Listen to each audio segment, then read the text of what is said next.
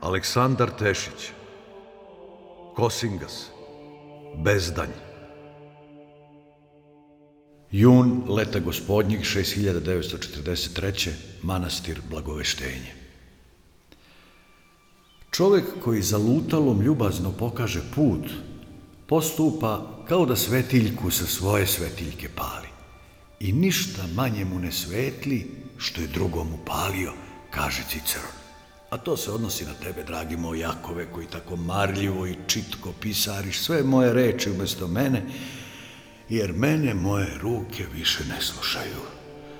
A toliko sam toga za života napisao i nacrtao, pa se još ne mogu načuditi da me više ne služe. No hvalan si i što ne stružeš tuđe hartije zbog mene, kao što neki to rade. Dogaljivo je gledati kako se tuđe misli brišu i trud onih koji su ih zabeležili samo zbog nedostatka listova. Tim gore, što one mogu biti jedino što je čovek za sobom ostavio, što mogu biti vrednije od onih koji se preko njih zapisuju. Jer uvek sam govorio da čovek za sobom mora ostaviti nešto više od stare krstače ili obeleženog kamena zabodenog u zemlju. Pa makar pisanu reč po kojoj će ga neko upamtiti. I upamti, smrt samo donosi, a zaborav ubija. Vrednik si Jakove, što si onako brzo dopunio moje pisanije, pa smo završili prvu knjigu, a sad si pisanku spremio za drugu. No, iako čutke pisariš i redko zapitkuješ, neka ti se oči smeju, pa ne znam, smešan li sam ti ja ovako star i onemoćao, ili ono što ti u pero govorim. Ne veruješ u sve što si zapisao. Možda bi ipak da sastružeš neku moju hartiju. Mene vređaj, ali reči mi ne diraj. Kažeš da je bajoslovno. Ha. Jesi li ikad čitao Platonovu Republiku Jakove? Raspravu u istini između Sokrata i Glaukona. Nisi još stigao. Nađi si vremena za Sokrata, jer imaš šta da naučiš od tog čoveka kojeg je proslavila jedna čaša otrova. No zamisli ovo, mladi moj Jakove, pa mi odgovori šta misliš. Dok sam u Adu bio zarobovan i kad su me Todorci mučili na svakojake načine, ti bezdušnici su me skoro uvek držali vezanog za nekakvo drvo koje oni zovu kav. Kao i svaka živuljka dole. I ono je smislilo način kako da se odbrani od raznih napasti, pa je obavijeno trnavom puzavicom. A ti, zarobitelji, vezuju sve svoje žrtve za takvo drveće, koje siroto nema bujnu krošnju niti lepo lišće, nego je kržljavo i jadno.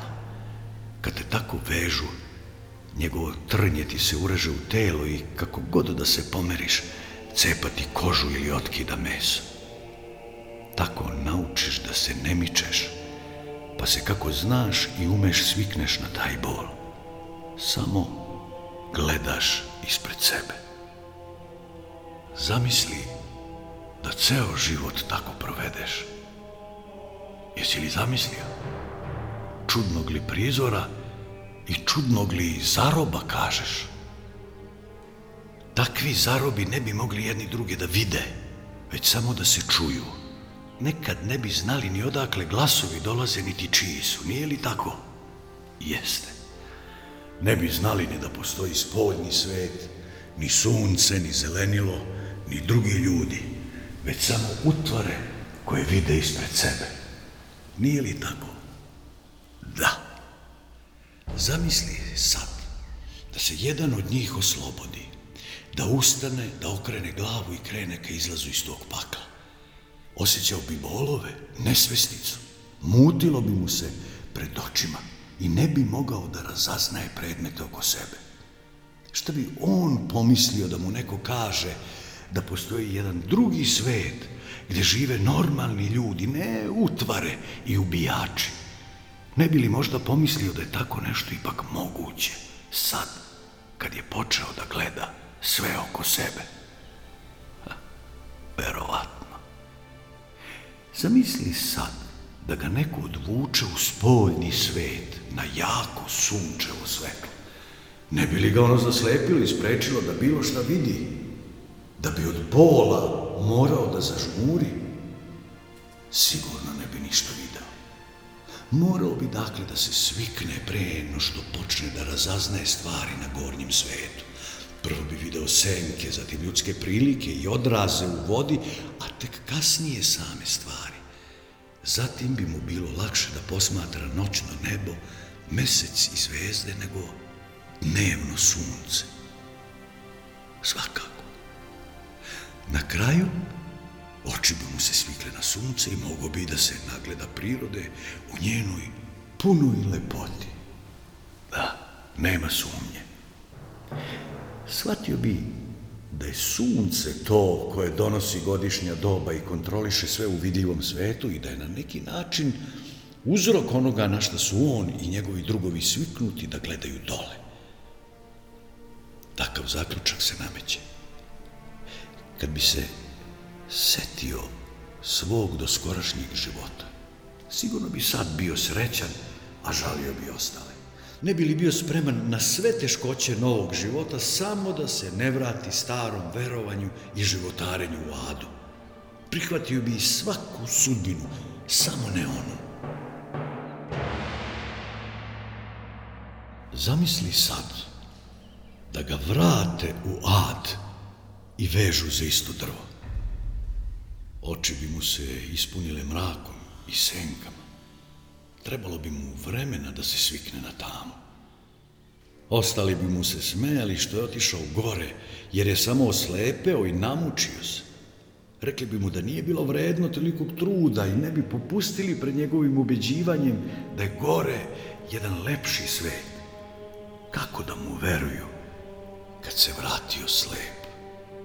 i da on pokuša da ih oslobodi i da ih povede gore. Oni bi ga verovatno pre ubili nego dozvolili da ih gore odvede. Da, tako je. Razuman čovek će se setiti da oči mogu dvojako biti zbunjene, promenom iz svetla u tamu i iz tame na svetlo. Jednako će priznati sebi da se isto dešava i čovekovoj duši. Slažeš se? Ovako su isto raspravljali Sokrat i Glaukon, pa će ti biti lakše da shvatiš njihovu diskusiju kad je budeš čitao. Sad kad si se u svemu složio sa mnom, kao Glaukon sa Sokratom, ne misli loše i ne smeji se u sebi. Istina čoveka uvek gleda u oči, no on nekad ne može niti želi da joj uzvrati pogled, jer pre svega mora sa sobom da raščisti i prizna da je grešio. To je često teže nego lagati sebe. Kad sam pre više leta na svojim putešestvima po Grčkoj obišao drevno proročište Delfi, imao sam prilike da se nagledam tih starih, porušenih hramova i razorenih zidina. Ratovi su se vodili zbog samo nekoliko reči proročicinih koji bi molioci izgovorila. Gradovi su goreli i ljudi ginuli na jedan njen mig. Pa ipak, od svega toga što sam video i čuo o tom mestu, jedna sitnica mi je ostala urezana u glavi i progoni me već decenijama. Neko je na jednom kamenu Apolonovog hrama urezao na grčkom reči spoznaj sebe. Je li ta ruka bila božanska ili smrtna, ne znam. Niti ko to zna. Ali te dve reči još stoje i dok se okolno kamenje pretvara u prah, one prkose vremenu kao da nose najvažniju poruku čoveku. Kao da ga opominju i podsjećaju da se rešenje svih zagonetki nalazi u nama samima. Možda je grčki mislilac Protagora iz Abdere video te reči kada je rekao čovek je mera svih stvari. Utoliko više kad može da izdrži i istrpi ono što goli kamen ne može. I takvim rečima ja, Kraljeviću, Marku i časnom skupu u Jastrebini započeh pričati svoje dogodovštine u adu za koje su svi čuli, ali čije pojedinosti niko nije znao. Nekad se stvore mesto i vreme za pripovedanje bolje nego što si hteo. A stari dvor zmaja od Jastrebca beše taman za priče o junaštvu o patnjama i nadama običnih ljudi. U tišini velike dvorane vitezovi se zajedno sa ženama i decom nalaktiše i upijaše svaku moju reč.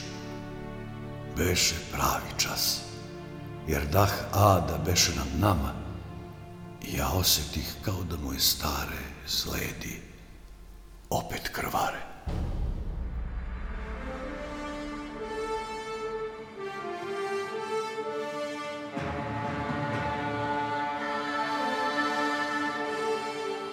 Aleksandar Tešić, Kosingas, Bezdanj.